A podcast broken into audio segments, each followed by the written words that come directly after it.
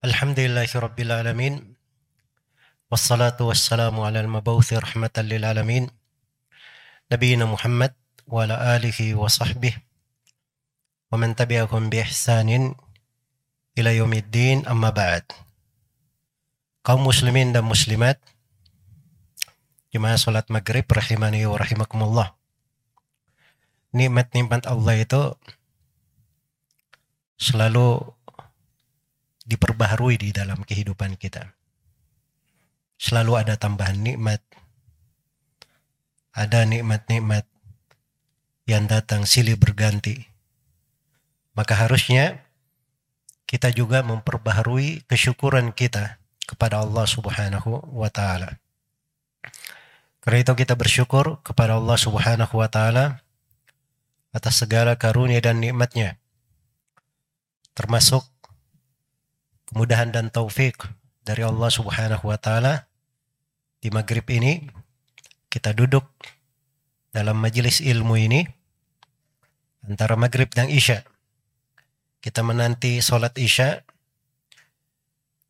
dengan mendengarkan dari ilmu agama yang tentunya menanti dari sebuah sholat sholat berikutnya itu telah diterangkan sebuah keutamaan oleh Nabi Shallallahu Alaihi Wasallam sama seperti orang yang sedang sholat. Walaupun dia hanya menanti dari sebuah sholat ke sholat berikutnya. Itu dijelaskan dalam hadits Abu Hurairah di riwayat Bukhari dan Muslim. Semoga Allah Subhanahu wa taala menganugerahkan kepada kita semua ilmu yang bermanfaat, berbuah dengan amalan yang salih dan memberi taufik untuk kita semua padahal yang dicintai dan diridhai oleh Allah Subhanahu wa taala. Dunia itu untuk empat orang. Itu kata dari sebuah hadis Rasulullah Shallallahu Alaihi Wasallam yang akan menjadi tema pembahasan kita di maghrib singkat ini. Haditsnya diriwayatkan oleh Imam Ahmad di dalam musnadnya, At-Tirmidzi di dalam As-Sunan, dan juga diriwayatkan oleh Ibnu Majah rahimahumullahu taala. Lafat hadith yang saya bacakan dari riwayat At-Tirmidzi. Dengan sanad beliau kepada Abu Kabsha Al-Anmari Asy-Syami radhiyallahu anhu. Ini nama sahabatnya. Berasal dari negeri Syam dikenal dengan kunianya Abu Kabsyah.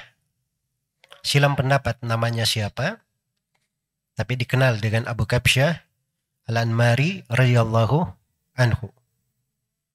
Semoga Allah meridhai beliau. Qala beliau berkata sami'tu Rasulullah sallallahu alaihi wasallam yaqul. Saya mendengar Rasulullah sallallahu alaihi wasallam bersabda. Itu indahnya kalau kita sering membaca hadith-hadith Rasulullah Sallallahu Alaihi Wasallam. Begitu lewat nama sahabat, kita berdoa untuk para sahabat radhiyallahu anhum. Kita perbaharui kecintaan kita kepada para sahabat Nabi Sallallahu Alaihi Wasallam. Karena itu kewajiban dalam keimanan.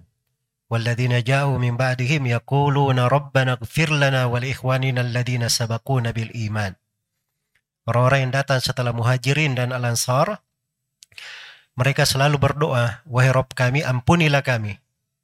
Dan saudara-saudara kami yang mendahului kami dengan keimanan. Jadi banyak hadir di majelis ilmu, kita duduk, guru membaca nama sahabat, didoakan radhiyallahu anhu, kita di situ ikut mengaminkan, sama dengan mendoakannya yaitu memperbaharui kecintaan kepada para sahabat. Setelah itu dibaca nama Nabi Shallallahu Alaihi Wasallam.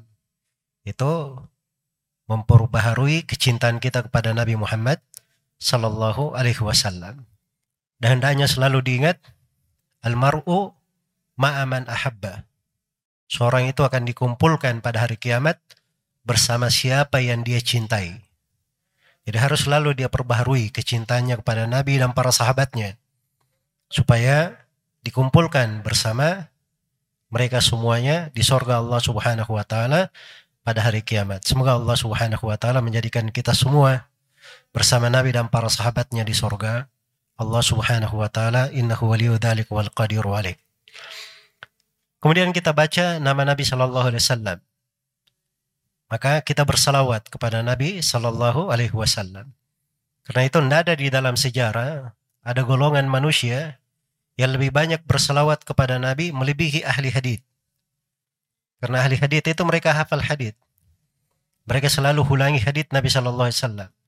Tiap kali berlalu nama Nabi pasti mereka berselawat. Sallallahu Alaihi Wasallam. Bukan cuma hitungan 10, 20, 100 kali di dalam sehari dan semalam. Tapi saking banyaknya mereka membaca hadith Rasulullah Shallallahu Alaihi Wasallam maka mereka selalu berselawat kepada Nabi Shallallahu Alaihi Wasallam. Bahkan di dalam penulisan pun itu makruh di kalangan ahli hadith meringkas-ringkas. Misalnya Shallallahu Alaihi Wasallam disingkat pakai sot saja. Itu makruh di kalangan ahli hadith. Atau sebagian ahli hadith menyingkat, ada yang menyingkat sot, lam, alif begitu. Atau soft, sot, lam, ain. Nah, itu diketemukan di sebagian buku, tapi itu makruh di kalangan ahli hadith. Karena itu berselawat saya di penulisan saya kita tulis lengkap supaya kita tergolong berselawat kepada Nabi Sallallahu Alaihi Wasallam. Baik. Kata Nabi Sallallahu Alaihi Wasallam, "Thalathun uksimu alaihinna." Ada tiga hal.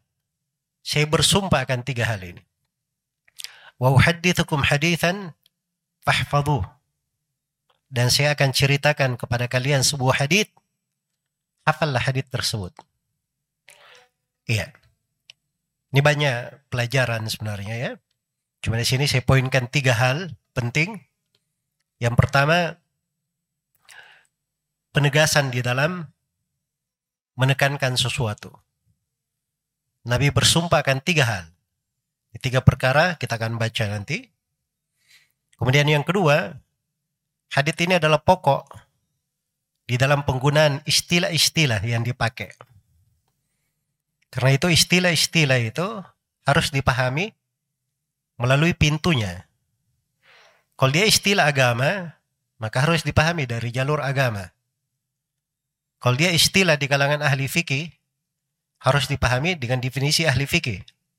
Istilah di kalangan ahli hadith harus dipahami dengan definisi ahli hadith juga. Karena keliru di dalam memahami istilah-istilah, ini kadang menjatuhkan seseorang ke dalam banyak kekeliruan. Iya, hadith itu bahasa hadith ya. Itu dari Nabi Shallallahu Alaihi Wasallam. Beliau menggunakan. Makanya kalau ada sebuah ucapan atau sebuah perbuatan atau sesuatu yang disandarkan kepada Nabi Shallallahu Alaihi Wasallam, maka itu oleh para ulama disebut hadis. Disebut dengan nama hadis. Dan itu namanya istilah. Tapi kaidah yang saya berikan bahwa istilah itu harus diambil dari ahlinya. Sebab kadang kalau kita menggunakan istilah bukan pada tempatnya, maka menjadi rumit masalahnya. Iya. Nah, ini pembahasan panjangnya kalau diuraikan. Apalagi kalau saya apa namanya sering baca hari-hari ini masalah uh, apa namanya masalah khilafah, masalah takfir, masalah hajar, masalah imam, masalah bayat, masalah jamaah. Itu istilah-istilah syar'i semua. Ada penggunaannya. Harus dilihat pada penggunaannya. Jangan memusuhi sesuatu yang ada penggunaannya di dalam syariat. Yang dimusuhi itu adalah hal yang menyelisih syariat. Orang yang memahami istilah bukan pada tempatnya. Iya. Nah ini kalau seorang masuk di dalam hal yang dia tidak punya ilmu tentangnya, dia cuma dengar-dengar saja, tidak punya ilmu tentangnya, dia pasti berdosa kalau dia masuk ke dalam hal itu. Walaupun dia benar. Misalnya kebetulan dia masuk, ternyata oh Alhamdulillah saya benar. Nggak ada Alhamdulillah saya benar. Yang ada kamu berdosa. Karena kamu masuk dalam sesuatu tanpa ilmu namanya. Dan Allah telah menegaskan wala takfu ma laysa laka bihi ilm Inna sam'a wal basar wal fuad kullu ulaika kana anhu mas'ula. Jangan kalian berhenti di atas di atas sesuatu yang kalian tidak punya ilmu tentangnya. Sungguhnya pendengaran dan penglihatan dan mata hati semuanya akan dimintai pertanggungjawaban. Tidak boleh berucap sesuatu tanpa ilmu. Baik. Jadi kemudian yang ketiga, di sini Rasulullah SAW berkata fahfadu, hafallah hadith itu. Ini dasar di dalam ilmu. Kenapa dianjurkan menghafal? Dianjurkan seseorang itu mengingat apa yang dia dengarkan, menyampaikannya. Sebab Nabi SAW yang mengajarkannya. Dan beliau mendidik para sahabatnya seperti itu. Coba bayangkan ya Al-Quran itu kita terima di hari ini dengan berbagai riwayatnya itu semuanya melalui jalur hafalan. Melalui jalur hafalan. Huruf per hurufnya. Bahkan panjang pendeknya. Semuanya diambil dari jalur hafalan. Ya kalau ada yang membaca Misalnya ya dari sebuah kirat kita di Indonesia membaca dari riwayat Hafs dari Asim. Hafs dari Asim, Hafs itu punya dua riwayat. Ada riwayat uh, apa namanya? Afwan, kita baca dari riwayat Asim ya bin Abi Nujub. Asim itu punya dua riwayat. Ada riwayat Syu'bah dan ada riwayat Hafs. Hafs sendiri yang kita baca di Indonesia di, di mayoritas umat Islam di atas muka bumi ini itu punya dua jalur riwayat. Ada dari jalur Syatibiyah dan ada dari jalur Tayyibatun Nashr. Ada dari jalur Tayyibatun Nashr. Nah, itu panjang pendeknya ada 21 perbedaan. Yang paling menyoloknya di dalam mat mumfasil. Itu kita baca dari guru huruf per huruf, panjang pendeknya pun dibetulin. Sebab mereka ambil dari gurunya seperti itu, Gurunya juga baca dari gurunya seperti itu. Dari gurunya lagi bersambung kepada Nabi Shallallahu Alaihi Wasallam. Itu Al-Quran. Demikian pula hadits Rasulullah Shallallahu Alaihi Wasallam terjaga dan terpelihara. Makanya kalau ada menyampaikan hadits di hari ini, dia sandarkan kepada Nabi Shallallahu Alaihi Wasallam, maka dia hanya salah satu dari dua, jujur atau dusta, itu aja. Kalau jujur berarti hadis yang disampaikan ada sumbernya. Ada asal usul riwayatnya. Kalau dia dusta berarti hadis yang dia sampaikan itu tidak ada asal usul riwayat. Baik. Jadi kata Nabi Shallallahu alaihi wasallam, "Thalathun uksimu alaihinna wa uhaddithukum hadithan fahfadhu." Ada tiga hal aku bersumpah dengan tiga hal ini. Dan saya akan ceritakan kepada kalian sebuah hadis, hafallah hadis tersebut. Iya.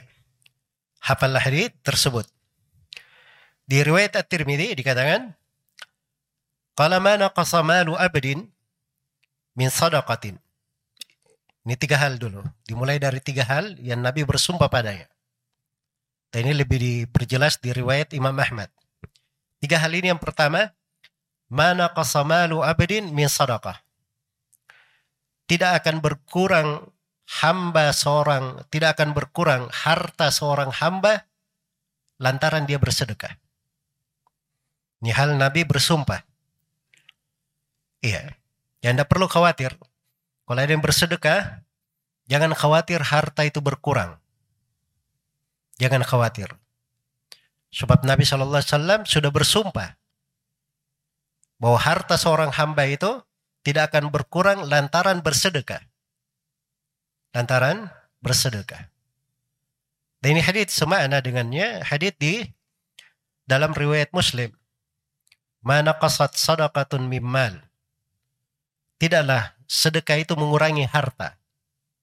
Bahkan di dalam Al-Quranul Karim, Allah subhanahu wa ta'ala berfirman, وَمَا أَنْفَقَتُم مِّن شَيْءٍ فَهُوَ يُخْلِفُ Apa kalian apa saja yang kalian infakkan, maka Allah yang akan menggantinya. Allah akan menggantinya. Jadi ini hal yang pertama. Yang kedua, wala dhulima abdun madlamatun asabar 'alaiha illa zadahu Allahu izzan. Tidaklah seorang hamba itu didolimi pada sesuatu, kemudian dia bersabar. Kecuali Allah akan menambah kemuliaan untuk dia. Menambah keagungan untuknya. Ini hal yang kedua, Nabi juga bersumpah.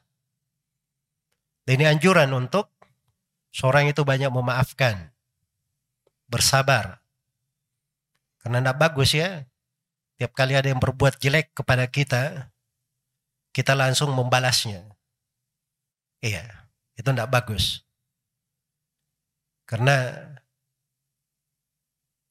tidak setiap kali lalat itu mengganggu kita, kita harus mengejarnya. Kadang perlu dibiarkan saja. Kadang perlu dibiarkan saja. Jadi seorang kadang dia tolimi sesuatu, dia bersabar. Maka dengan kesabarannya, Allah akan menambah kemuliaan untuk dia. Akan menambah kemuliaan untuk dia. Nah, ini fikih harus dipahami. Bahwa semakin berjaya, itu kadang bermula dari adanya orang-orang yang berbuat dolim kepadanya. Iya. Nah subhanallah ya, saya kadang pada sebagian hal ya, kalau saya lihat ada orang yang berbuat tidak baik kepada saya, saya kadang menghitung, oh ini mungkin ada hal baik sebentar lagi saya dapatkan. Ya. Dan subhanallah terjadi seperti itu. Dan itu suatu hal yang harusnya kita hadirkan. Karena ini kabar-kabar gembira dari Nabi Shallallahu Alaihi Wasallam. Dan jiwa itu kurang baik. Setiap kali ada sesuatu kita selalu memendamnya, selalu melampiaskan emosi di dalam hati. Tidak enak hidup itu. Anggap saja orang-orang yang mendolimi kita itu mereka ini orang-orang yang mungkin membukakan pintu kebaikan untuk kita. Menambah pahala untuk kita. Menambah kemuliaan, kejayaan untuk kita. Nah harusnya itu yang kita buka untuk diri kita. Karena itu dalam Al-Quran Allah firman, فَلْيَعْفُوا وَلْيَصْفَهُ Hendaknya mereka memaafkan, membiarkan. Ala tuhibbuna yaghfirallahu lakum? Tidakkah kalian cinta Allah mengampuni kalian? Dan Allah firman, wa jaza'u sayyi'atin sayyi'atun mithluha. Faman afa wa aslaha fa ajruhu 'ala Allah. Balasan perbuatan jelek boleh dibalas semisal. Kalau dari sudut hukum bolehnya. Tapi siapa yang memaafkan dan mengadakan perbaikan, itu pahalanya ditanggung oleh Allah. Kemudian yang ketiga, yang Nabi bersumpah terhadapnya, kata beliau wala fataha abdun baba mas'alatin illa fatahallahu alaihi baba fakrin. Tidaklah seorang hamba itu buka pada dirinya pintu minta-minta, kecuali Allah akan bukakan terhadap dia pintu kefakiran. Pintu kefakiran. Karena meminta pada apa yang di tangan manusia, itu adalah hal yang dicela. Perkara yang dicela. Berbagai akhlak yang mulia dianjurkan di dalam agama tentang iffah, menjaga kehormatan diri, tentang merasa cukup, qanaah, bersyukur terhadap karunia Allah Subhanahu wa taala, selalu melihat apa yang di tangan Allah, bukan melihat di tangan manusia. Itu berbagai akhlak yang agung. Ya kalau seorang sering atau membuka pintu meminta kepada manusia, ini akan menjadi kebiasaan pada dirinya. Nanti setelah itu dia minta lagi, setelah itu dia minta lagi. Nah, itu kan pintu kefakiran namanya. Maka akan dibuka untuknya pintu kefakiran. Tapi kalau dia berusaha untuk dirinya, dia ada keperluan. Tapi dia tahan dirinya. Dia bersabar. Tidak ingin meminta kepada manusia. Maka tunggu saja beberapa saat akan datang pintu kebaikan untuk dirinya. Iya. Jadi pintu meminta namanya. Jangan dibuka untuk diri kita. Baik ini tiga hal yang Nabi SAW bersumpah untuk tiga hal ini. Jadi perhatikan ya, ketika Nabi bersumpah untuk tiga hal ini, nah ini perkara hendaknya kita perhatikan dengan seksama. Kemudian inti pembahasan kita di kajian ini, inilah di kelanjutan hadith. Kata beliau, hadithukum hadithan fahfadhuh. Dan saya akan ceritakan kepada kalian sebuah hadith. Apalah hadith tersebut? Iya. Kata Nabi Shallallahu Alaihi Wasallam, Inna dunya li arba'ati nafar. Sungguhnya dunia itu untuk empat orang. Jadi Nabi sendiri yang menyebutkan bahwa dunia itu untuk empat orang. Artinya dalam hidup dunia ini kita hidup bagaimanapun kondisi keadaan kita, kita hidup di lapisan mana pun kita dari penduduk dunia ini, kita itu tidak keluar dari empat orang yang disebut oleh Nabi Shallallahu Alaihi Wasallam. Dan ini salah satu penggambaran tentang kehidupan dunia. Ini salah satu fikih dalam agama. Karena harus dimaklumi orang yang belajar itu, kata sebagian ulama, ciri orang yang belajar ilmu agama, dia paham bahwa dunia itu adalah hina. Itu ciri dia belajar ilmu agama. Faedah yang paling kecil yang dia pegang, dia tahu bahwa dunia itu hina. Ya, karena dunia itu keadaannya seperti itu, maka dibuat di dalam Al-Quran, hadits Rasulullah SAW berbagai perumpamaan tentang dunia. Perumpamaan yang sangat menakjubkan sekali. Penuh dengan pelajaran dan hikmah. Salah satunya di dalam hadits ini. Nabi SAW ingin menjelaskan tentang orang-orang yang berada di kehidupan dunia ini bahwa manusia yang hidup di dalam kehidupan dunia ini itu tidak lepas dari empat orang ini. Karena itu beliau katakan innamat dunya li arba'ati nafar. Sungguhnya dunia itu untuk empat orang. Kata innama kalau dalam bahasa Arab itu itu pembatasan. Iya. Biasanya diterjemahkan hanyalah untuk ini. Artinya dibatasi untuk itu saja. Jadi siapa empat orang ini? Kata Nabi Shallallahu Alaihi Wasallam, abdin razakahullahu malan wa ilman. Yang pertama adalah seorang hamba. Allah beri kepadanya rezeki berupa harta dan ilmu. Dua rezekinya.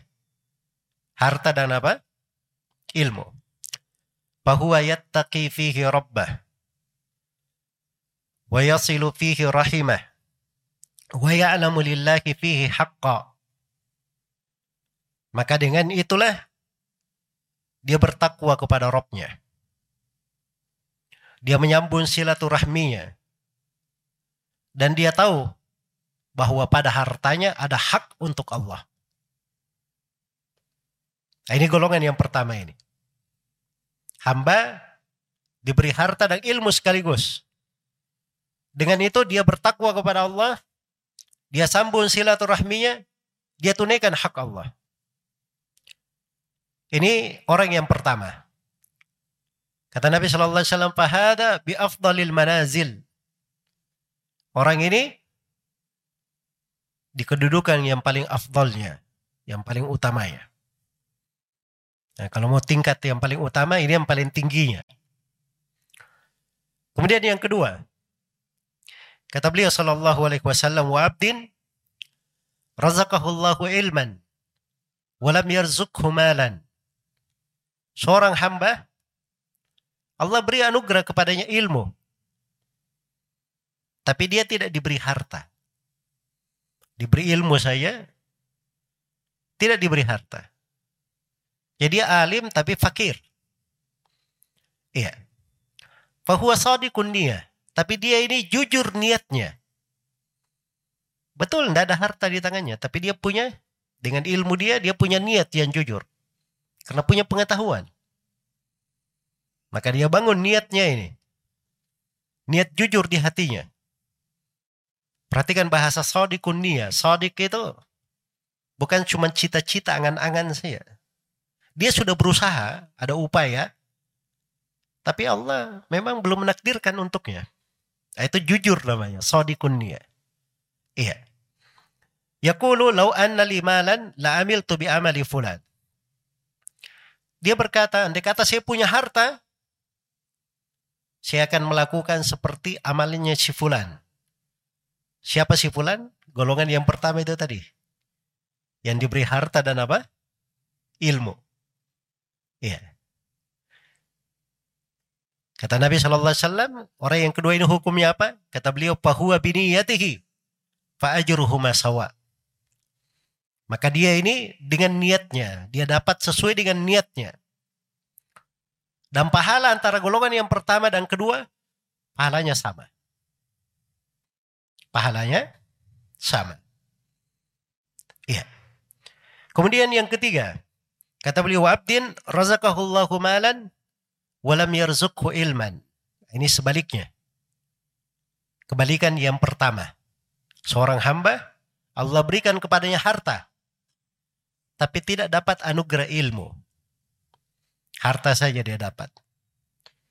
Ini orang kaya tapi jahil. Karena tidak punya ilmu.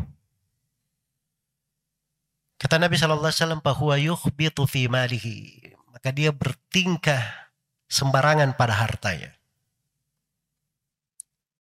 Iya. Bahwa yukhbitu fi malihi bighairi ilm. Dia bertindak sembarangan pada hartanya tanpa ilmu. La yattaqi fihi rabba. Dia tidak bertakwa kepada Allah dengan hartanya. Wala yasilu fihi rahimah. Dia tidak sambung silaturahminya. Wala ya'lamu lillahi fihi haqqa. Dan dia tidak pernah kenal ada hak Allah pada hartanya. Ini golongan yang ketiga ini, orang yang ketiga. Kata Nabi Shallallahu Alaihi Wasallam, "Fahada bi manazil." Ini adalah orang yang paling buruk kedudukannya. Orang yang paling buruk kedudukannya. Kemudian yang keempat. Kata beliau, "Abdin lam yarzuqhullahu malan wala ilma." Dan seorang hamba Allah tidak beri padanya harta, tidak pula diberi kepadanya ilmu. Tidak ada harta, tidak ada pula ilmu. Fahuwa yakul, tapi dia berkata, Lau anna li malan la amil tu fihi bi amali fulan. Andai kata saya punya harta, saya akan beramal, berbuat seperti perbuatan si fulan, orang yang ketiga tadi. Yang punya harta di dalam keburukan dia buat. Jadi ini sudah tidak punya harta, niatnya kalau dia punya harta dia akan berbuat buruk pula. Apa hukumnya kata Nabi Shallallahu Alaihi Wasallam? Bahwa biniyatihi masawa. Maka dia ini dapat sesuai dengan niatnya. Antara golongan yang ketiga dan keempat dosanya sama. Dosanya sama. Ini hadits subhanallah ya. Ya menakjubkan. Wajib untuk kita renungi dengan seksama. Kita ini terlalu banyak amanah yang kita pikul kita sandang. Sebelum kita lahir di dunia ini, sudah diambil sumpah dari kita di alam ruh untuk beribadah hanya kepada Allah Subhanahu wa taala semata. Dan kita hidup di atas muka bumi ini itu menyandang sebuah amanah. Amanah ini langit dan bumi saja, gunung-gunung itu tidak mau menyandangnya tapi disandang oleh manusia subhanallah. Maka harus kita pahami ada hal-hal yang Allah Subhanahu wa taala berikan kepada kita. Dan itu ada pertanggungjawabannya. Makanya oleh Nabi Wasallam dibagi dunia ini empat orang saja isinya. Silahkan kita periksa diri kita di mana kita berada. Iya. Kalau dari empat orang ini sebenarnya intinya kembali kepada dua saja. Sebab yang pertama itu tingkatan yang paling baik. Dan yang kedua ikut kepada yang pertama. Yang ketiga itu tingkatan yang paling buruk. Yang keempat ikut kepada tingkatan yang paling buruk ini. Jadi kalau dikembalikan lagi, kembalinya hanya kepada dua saja. Yang pertama itu dia alim, punya ilmu, gani, dia juga punya harta. Yang kedua, dia alim tapi fakir, tidak punya harta. Yang ketiga, dia gani tapi jahil. Yang keempat, fakir dan jahil. Ini empat. Iya. Empat golongan ini, itu semuanya punya amalannya masing-masing. Ada amalannya masing-masing. Yang pertama, yang alim dan punya harta, dengan hartanya dia bertakwa kepada Allah. Dia sambung silaturahminya. Dia tunaikan hak Allah pada harta. Itu jangan kita sangka ya ada harta di tangan kita. Tidak ada pertanggungjawabannya. Periksa dulu hak Allah subhanahu wa ta'ala di dalamnya. Hak orang lain. Pada harta tersebut. Ini kadang kira kita kurang teliti di dalam hal itu. Kalau kita bertransaksi dengan orang, oh subhanallah, hitung-hitungannya itu super ketat. Catatannya bisa berlapis-lapis. Tapi begitu harta yang ada di tangannya terkait dengan hak Allah dan hak manusia, dia tidak memperlakukan dirinya sama ketika memperlakukan orang lain seperti itu. Dan ini keliru ya dalam kehidupan seorang muslim dan muslimah. Harusnya seorang itu selalu menghisap dirinya pada amanah, pada harta yang Allah Subhanahu wa taala titipkan di tangannya. Iya. Maka orang ini diberi harta, subhanallah, dia punya ilmu, dengan harta itu dia pakai untuk bertakwa kepada Allah. Ini luar biasa ya. Sebab dia tahu dengan ilmunya dia tahu jalur-jalur penyaluran harta yang paling baiknya. Dia mengerti. Ya. Ada orang yang kadang bersedekah. Niatnya bagus ya bersedekah, bersedekah. Bagus sedekahnya. Padahal yang baik. Membantu orang miskin misalnya. Memberi orang yang kelaparan. Tapi ada bentuk sedekah. Kadang kepada orang miskin juga, tetapi lebih lebih besar keutamaannya. Karena berkumpul pada si miskin yang lainnya sudut-sudut lain. Misalnya dia miskin, kerabatnya. Miskin bukan kerabat. Lebih didahulukan miskin dan apa? Kerabat. Sebab dia memberi santunan kepada orang miskin sekaligus dia menyambung silaturahminya. Miskin, kerabat, penuntut ilmu. Nah, dia bantu lagi. Orang ini diharapkan dia bisa bermanfaat untuk umat Islam, untuk kaum muslimin di masa mendatang. Dia bantu. Iya. Ada orang-orang yang kadang subhanallah pada hitungannya itu luar biasa. Kadang taufik pada sebagian orang. Mungkin dari niatnya saya tahu ada seorang pebisnis besar, pedagang besar di salah satu apa namanya orang yang terkaya di Timur Tengah sana. Iya. Dia punya bank-bank di berbagai penjuru dunia. Terkenal sekali. Pernah dihitungkan untuknya sebuah proyek. Sangat besar sekali anggarannya, biayanya. Hasilnya yang dilaporkan kepadanya kalau kita masuk di sini, ini kita tidak dapat untung banyak. Iya. Selisihnya sedikit sekali antara pengeluaran dan pemasukan. Maka kata pedagang ini, berapa orang yang makan dari proyek itu? Maksudnya berapa pegawai nanti yang bekerja di situ? Iya. Katanya sekitar 20 20 ribu orang. Kata pedagang tersebut, subhanallah. Kamu masih pikir proyek seperti ini, makan di situ 20 ribu orang itu sudah cukup bagi saya. Walaupun saya tidak dapat apa-apa, nggak apa-apa. Sudah, jalankan. Karena 20 ribu orang makan. Coba bayangkan ya. Ini bisnis biasa. Hal yang mubah. Tapi dia masukkan ke dalam lahan apa? Lahan ketaatan. Iya. Nah, itu proyeknya sekarang yang berjalan itu, itu salah satu pemasukan terbesarnya sekarang ini.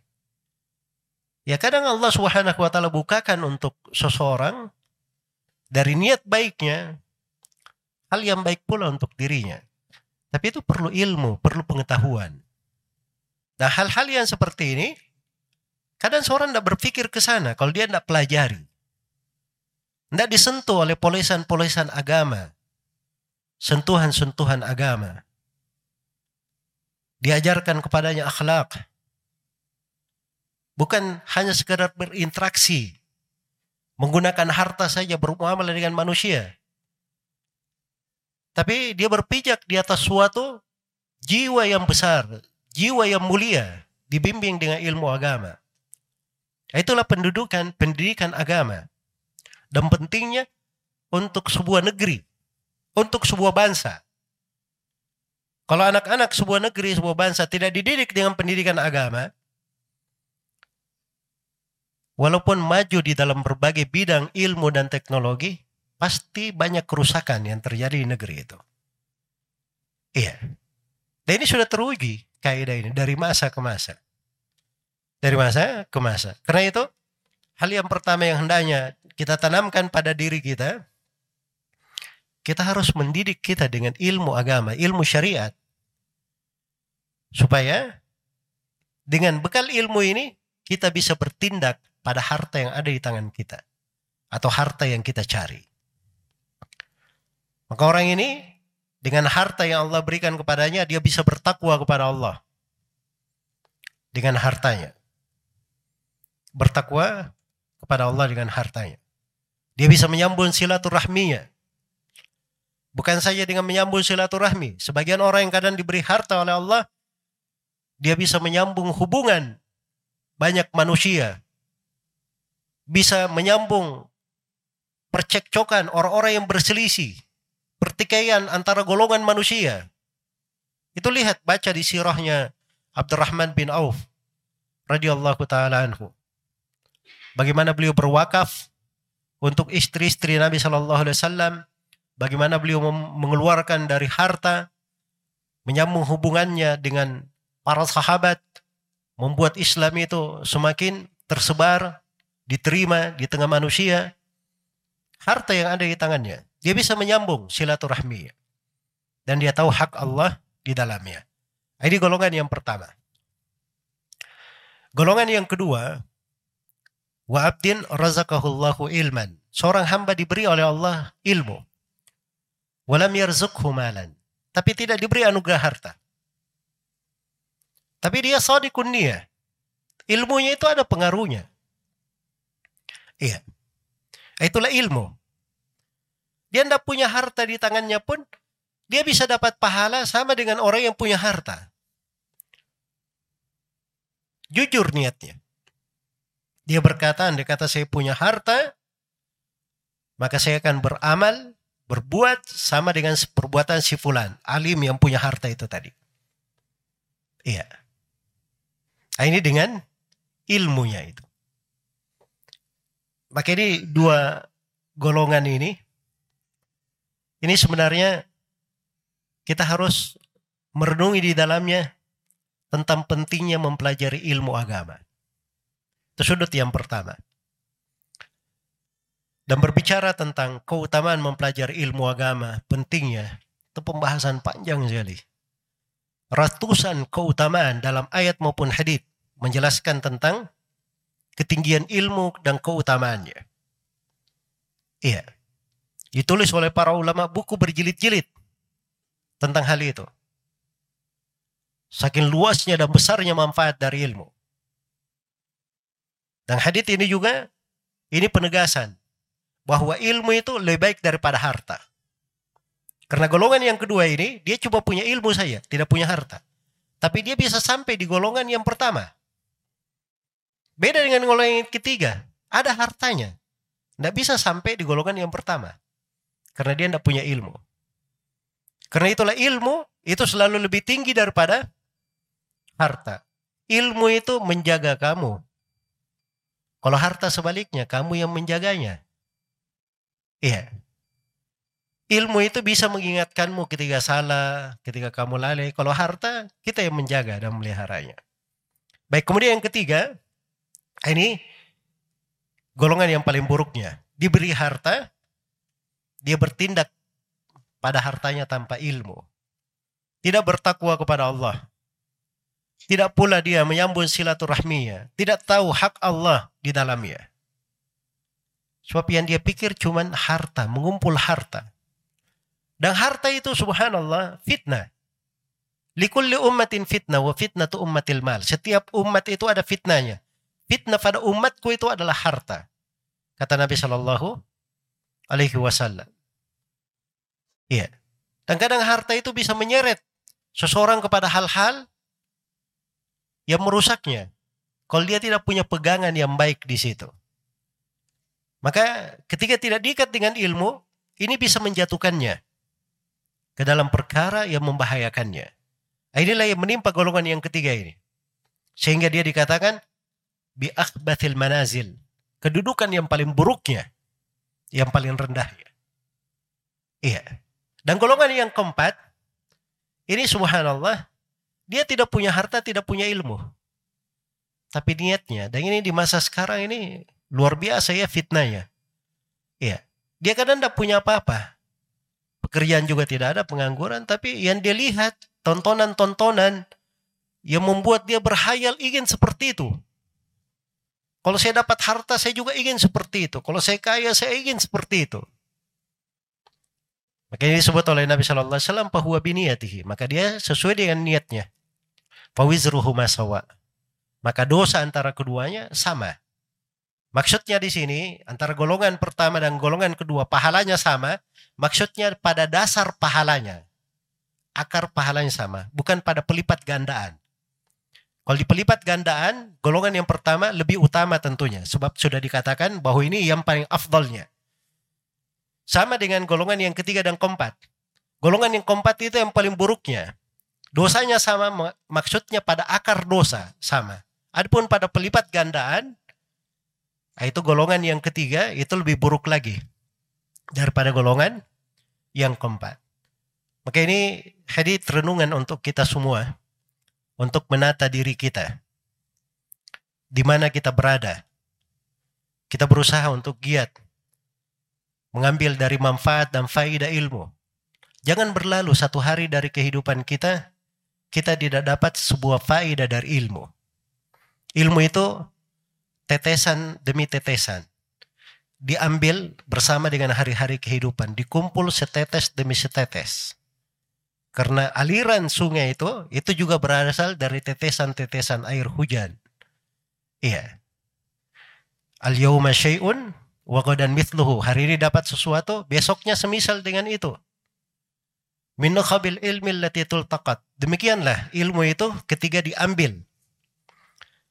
Yahsulu biha al-mar'u yashul mar'u biha hikmatan dengannya seorang itu mengambil hikmah wa inna masailu ijtima'un nuqat itu kata hikmah di tengah para ulama aliran air itu itu berasal dari tetesan-tetesan air Ya begitu caranya diambil. Dari ilmu itu dipakai dalam kehidupan. Kemudian pelajaran yang terakhir yang ingin saya ingatkan di sini tentang pentingnya seorang itu menata kondisi hatinya. Karena niat itu besar sekali. Bisa menjadi besar dosanya, bisa menjadi besar pahalanya. Tergantung ke mana hati itu. Lihat orang yang kedua tadi. Dia melihat orang berbuat baik, dia berniat juga. Kalau saya dapat harta seperti orang yang berbuat baik ini, saya akan berbuat baik juga. Maka kedudukannya sama dari sudut pahala. Tapi orang yang keempat tadi, dia melihat orang yang berbuat jelek. Dia bilang, dia tidak punya harta. Tapi niatnya, kalau saya dapat harta, saya akan berbuat jelek juga seperti itu. Maka sama di dalam dosa. Makanya hati itu harus kita latih. Kita didik. Kadang di majelis seperti ini, kita duduk bersama ya. Kadang kita berbeda tingkatan-tingkatannya. Pahala yang kita dapatkan. Pertama dari sudut keikhlasannya. Yang kedua dari sudut niatnya dia hadir di majelis ini. Misalnya saya niat di sini untuk menuntut ilmu. Saya niat untuk duduk maghrib isya. Menunggu antara sholat dengan sholat yang lain. Ada yang lagi meniatkan untuk itikaf. Pendapat sebagian ulama. Dia niatkan dengannya menghidupkan sunnah Nabi Diingatkan dengannya mengangkat kejahilan. Semakin banyak niatnya, semakin besar pahalanya. Itu amalan-amalan tidak kelihatan. Sesuatu berada dalam hati. Nah, ini kalau kita telaten melatihnya, nah itulah yang menjadikan hati itu menjadi hati yang hidup. Tenang, indah di dalam kehidupan. Banyak makna di dalam hadis ini, tapi waktu membatasi kita. Mudah-mudahan apa yang kita terangkan di pertemuan ringkas ini bermanfaat untuk semuanya dan saya mohon maaf atas segala macam kekurangan. Wallahu taala alam. Subhanakallahumma wa bihamdik asyhadu an la ilaha illa anta astaghfiruka wa atubu ilaik. Walhamdulillahi rabbil alamin. Wassalamualaikum warahmatullahi wabarakatuh.